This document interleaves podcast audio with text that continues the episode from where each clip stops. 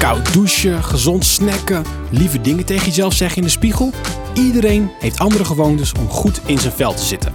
Maar wat past eigenlijk bij jou? Ik ben Joshua en ik coach je door gezonde gewoontes heen. Samen proberen we wat nieuws. Met mijn stem in je oren zet je zo de eerste stap. Vandaag gaan we met je verkeerde hand eten. Ja, dit is weer een pareltje hoor. Luister naar deze aflevering als je van plan bent om te gaan avondeten.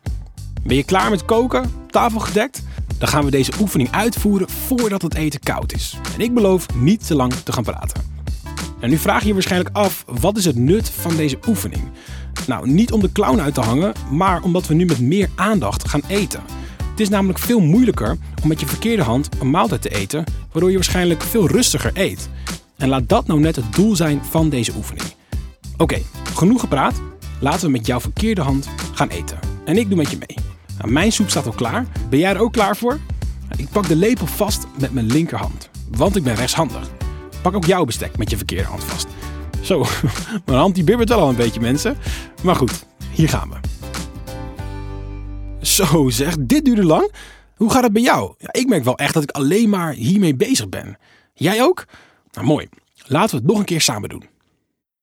Oké, genoeg geoefend. Volgens mij kan je dit wel. Ik peer hem en uh, dan kan jij in alle rust eten. En dat was hem weer. Een nieuwe gewoonte die meetelt voor je gezondheid. En niks voor jou om met je verkeerde hand te eten? Volgende week weer een kans. Meer weten over hoe je je kunt ontspannen of meer weten over gezonde voeding? Download dan de app Actify en leer stap voor stap kleine gezonde gewoontes.